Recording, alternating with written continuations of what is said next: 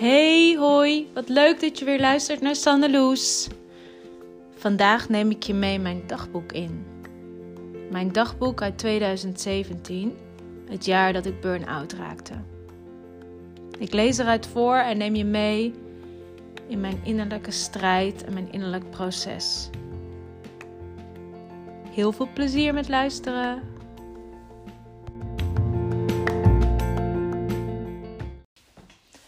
Hoi, daar ben ik weer. En voor vandaag ben ik mijn la ingedoken. Ik was in een clubhouse room van de week. En daar ging het over burn-out, over overtuigingen. Ik kwam op een gegeven moment aan het woord en toen zei ik ook: Jeetje, ik kan met zoveel dingen meepraten. Maar ik was mijn lijf kwijt. Toen heb ik het gesproken over, over je lijf kwijt zijn en angstig worden voor je lijf. En daar kan ik echt nog een hele podcast over wijden. En ik bedenk me nu, die gaat er komen. Maar het deed me ook denken aan mijn schrijfschriftje van die tijd. En ik wist, die heb ik nog liggen in een la. Dus ik ben die la is ingedoken. En ja hoor, onderop die la lag mijn schriftje. En ik heb er eens wat bladzijden uit gelezen en ik wil iets met je delen. Het is zeg maar een dagboek. Het ziet er alleen minder uit als een boek. Het ziet er meer uit als een gratis schrijfschriftje van een persgroep. Dus dat had ik op dat moment voorhanden. En ik neem je mee naar 1 juni 2017. Op dat moment had ik net één sessie gehad van mijn coachingstraject. Ik neem je heel even mee naar een korte samenvatting wat daar vooraf is gegaan. Ik liep al jaren op mijn tandvlees. Ik had al jaren paniekaanvallen. Met periodes van minder en periodes van meer paniekaanvallen. Ik had al heel veel ademwerk gedaan, dus ik wist hoe ik me daardoor heen moest werken, zeg maar. Hoe ik ermee om kon gaan. Maar de, de kern van het probleem pakte ik niet aan. Ik bleef overleven.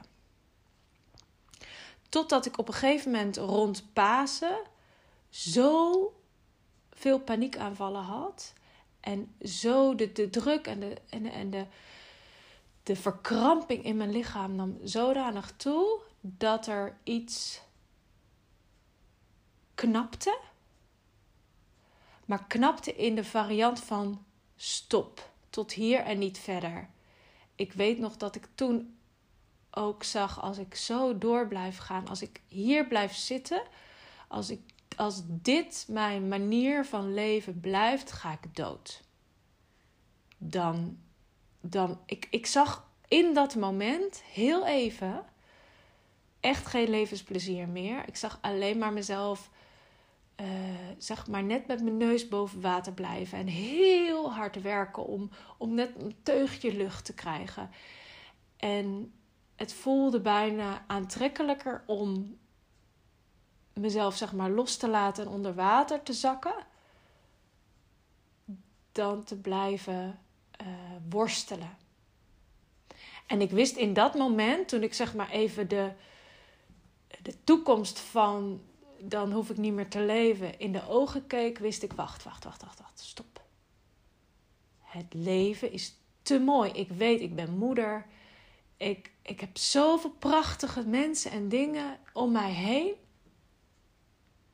het kan ook anders. En dat was echt een moment van stop. Toen heb ik een brief geschreven naar mijn leidinggevende. Ik had de variant, de, de coachingstraject, had ik al klaar liggen. Dat had ik een half jaar daarvoor al aangegeven. Maar toen, het paste niet in, ehm, in het aanbod dat mijn werkgever uh, had. Er was een zeg maar standaard aanbod en dit viel daar buiten. Dus het werd van tafel geschoven en, en uiteindelijk liep ik dus weer compleet vast. En ik heb dus direct gezegd: dit is wat ik wil. De buitenlucht in met een coach met iemand waar ik me veilig bij voel en opnieuw mijn lichaam leren kennen. Nou, ik had één sessie gehad. Mijn werk ging, ik, mijn, mijn werk als leidinggevende in de horeca retail ging ik van vier in twee dagen doen, zodat ik twee keer in de week coaching kon krijgen. En voorafgaand in de trein aan sessie 2 schrijf ik dit gesprek met mijzelf in mijn boekje. Gisteravond heb ik een paar nieuwe inzichten gekregen, naar aanleiding van het kaartje van Janneke. Het inspireert mij dat je nu echt voor jezelf hebt gekozen. Waarop mijn reactie, mijn gedachte was: Maar zo voelt het helemaal niet. En direct erna volgde: Ik heb nog niet echt voor mijzelf gekozen. Ik ging innerlijk gesprek aan. Waarom heb je niet voor jezelf gekozen, Sanne? Hoe merk je dat? Ik zit nog in de alle ballen hoog houden. Iedereen moet ik nog tevreden houden. En ondertussen moet ik werken aan mijn herstel. Wat zou er gebeuren als je echt voor jezelf kiest? Dan stel ik anderen teleur. Dan laat ik anderen zitten. En mijn partner, ja. Nee, misschien is het voor mijn relatie wel beter, maar zakelijk absoluut niet. Daar ga ik falen, dan faal ik. Maar wat zou je dan doen als je voor jezelf kiest?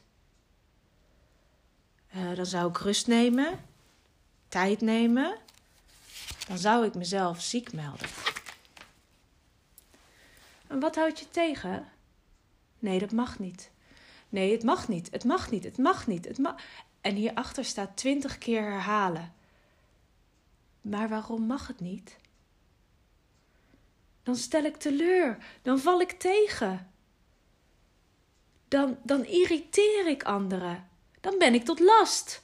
Dan laat ik anderen zitten. En ga zo maar door. Maar wat als je het ondanks dat toch doet?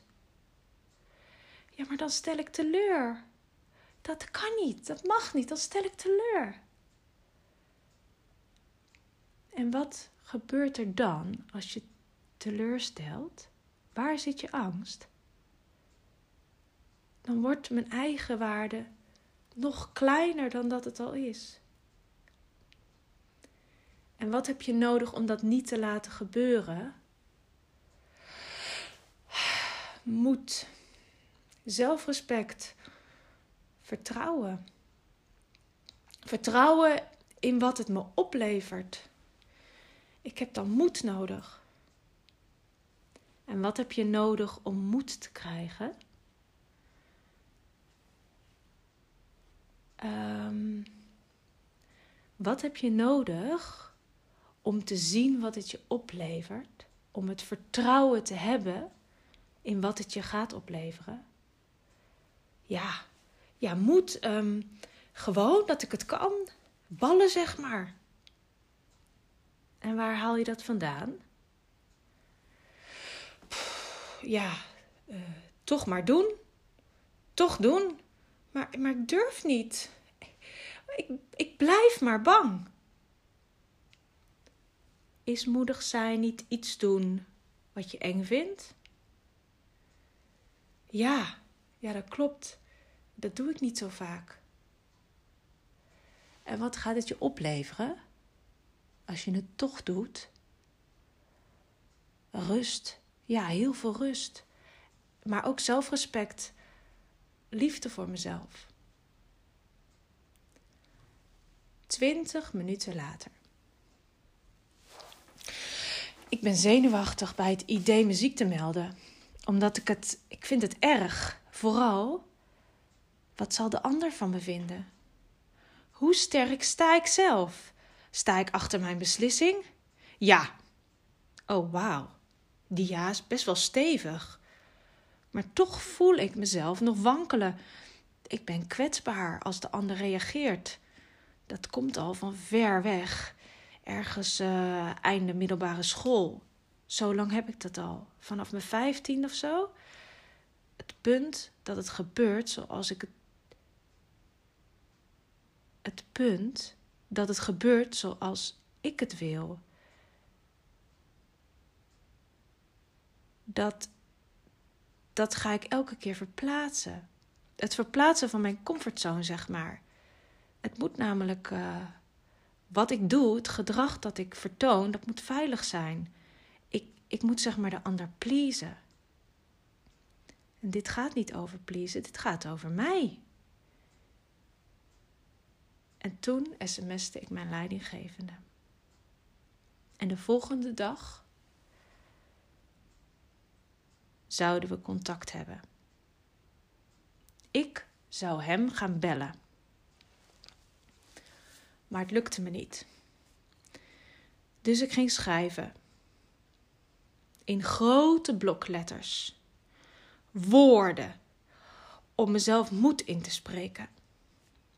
Zelfrespect, eigenwaarde, vertrouwen, kiezen, moed, doen, moed, vertrouwen, kiezen, zelfrespect, eigenwaarde, herstel, moed, zelfrespect, waardevol, eigenwaarde, moed, durven, geloven, kiezen, doen, durven, moed, spannend, herstel, groei, kiezen, zelfrespect, waarde, durven, eigenwaarde, geloven, vertrouwen, keuze, gekozen, gaan, doen, geloven, vertrouwen, zelf, weten, geloven, weten, geloven, waardevol, keuze, doen, doen, doen, zeggen, het uitspreken, zeggen, doen, kiezen, zelf, die eigenwaarde, zelfrespect, geloven, durven, moed, lukken, geloven, kiezen, zelf, eigenwaarde, trots, zien, durven, geloven, doen, pakken, vasthouden en loslaten, ontspannen, rust, geloven, weten, vertrouwen, geloven, durven, weten, geloven, doen, rust, balans, rust, zelfrespect, geloven, kiezen, weten, zelf, trots, zelf, mij, ik, zelf, waardevol. Geloven, doen, leren, doen, kiezen, vertrouwen, vertrouwen, zeggen, geloven, weten, bewust en intuïtief. Vertrouwen, geloven, hele wonden, hele pijn.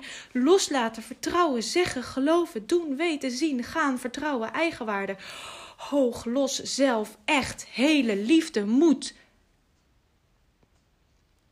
En toen had ik de gedachte als ik het zelf in de hand wil hebben, dan bel ik zelf naar mijn leidinggevende. Dan doe ik het gewoon. En aan de andere kant stond de gedachte: ja, maar hij kan het toch zien hoe slecht het met mij gaat? Hij kan toch voorstellen dat ik me ziek meld? Nee, je moet het zelf doen. Ik heb alle moed bij elkaar gebracht en om 9 uur 45 gebeld. Doen. Moedig, wees moedig. Je kunt het. Ja, je staat erachter. Ja, ik sta erachter. Gewoon vertrouwen.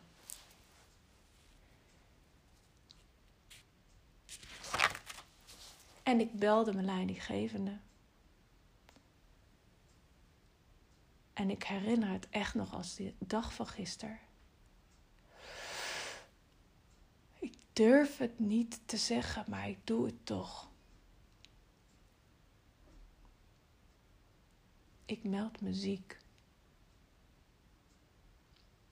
Waarop hij zei: Ja, dat was wel te verwachten. Maar ik mag het eigenlijk niet, zei ik tegen hem. Ik was een beetje verbaasd dat hij dat zei, maar ik zei er nog wel achteraan. Maar het mag niet. Het mag eigenlijk niet. Ik mag het niet doen, maar ik voel dat ik het moet doen. Ik kan niet anders. Ik, ik ga kapot en ik word niet beter. En het feit dat mijn werkgever uiteindelijk een uitzondering had gemaakt en toch mijn traject ging betalen, ondanks dat het niet in het pakket van de werkgever zat, zette, gaf mij een extra stok achter de deur om te zeggen: ik moet beter worden, want zij investeren in mij. En hij zei: Maar het hoort er toch ook wel gewoon bij dat je je nu ziek meldt.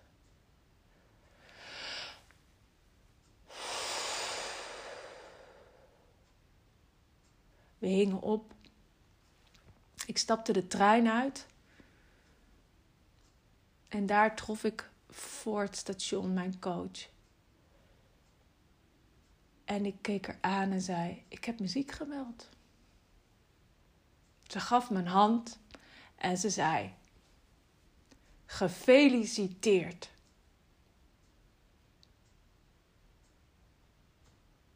Ik slaakte een hele diepe zucht en zei: Ik heb nog nooit zoveel opluchting gevoeld.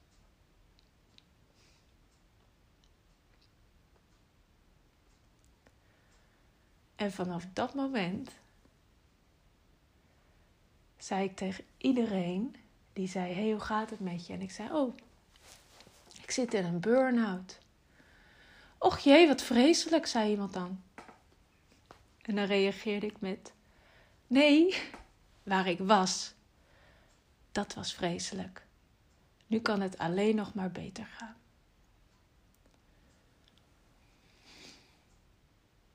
En mocht je nou zelf in zo'n periode zitten waarin je dit herkent, misschien herken je dit van een periode die je ooit hebt doorgemaakt. Of misschien voel je wel dat, dat dit eraan zit te komen. Dat je in het, in het voortraject, zeg maar, in het voorportaal staat hiervan.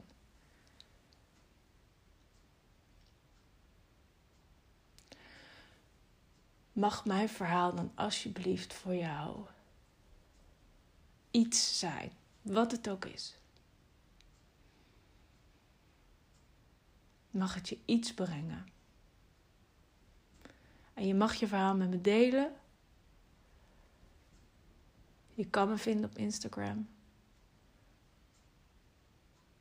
Hoeft niet, hè? Wat jij wilt.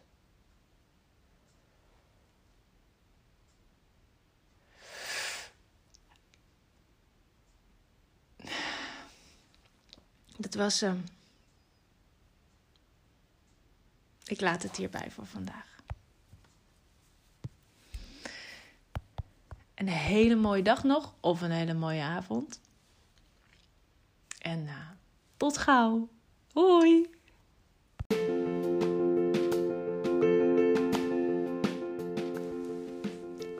Dank je wel dat je weer luisterde naar mijn podcast. Ik vind het fijn om verhalen met je te delen. Verhalen van nu, verhalen uit mijn verleden. Misschien herken je je erin. Ik heb het altijd heel fijn en heel waardevol gevonden om andermans verhalen te horen. Te horen hoe, ze, hoe het toen voor hun was, hoe ze erop terugkijken, wat ze eruit hebben gehaald, wat hen moed heeft gegeven, erkenning. En ik voel het als mijn missie om ook mijn verhaal door te geven. Zoals ik me nu voel ten opzichte van vier jaar geleden, drie jaar geleden. Het is zo'n verandering. Het is zo ongelooflijk mogelijk om echt een blij, fijn, gelukkig, heerlijk leven te leiden. Om niet geleefd te worden door je gedachten, maar te kunnen kiezen hoe jij je leven beleeft, hoe je het ervaart, waar je ja tegen zegt, waar je nee tegen zegt. Het is aan jou, echt. En als je vastzit, zie je het niet. Maar het kan. En ik neem je heel graag mee dat pad op. Dat pad van vreugde, plezier, van, van zelfs in de diepste en donkerste duisternis een sprankje licht te zien. Je lijf weer te leren kennen. Te voelen dat je een lijf hebt. Te voelen wat daar gebeurt. Dat is wat ik echt in de wereld wil brengen. Waar ik echt, echt zoveel mogelijk mensen mij wil helpen. De mensen die voelen dat ik dat voor hen ben. En mocht jij dat merken, laat het me weten. Je weet me te vinden. Als je dat voelt, dan weet je me te vinden. Dag lieve schatten. Tot de volgende keer.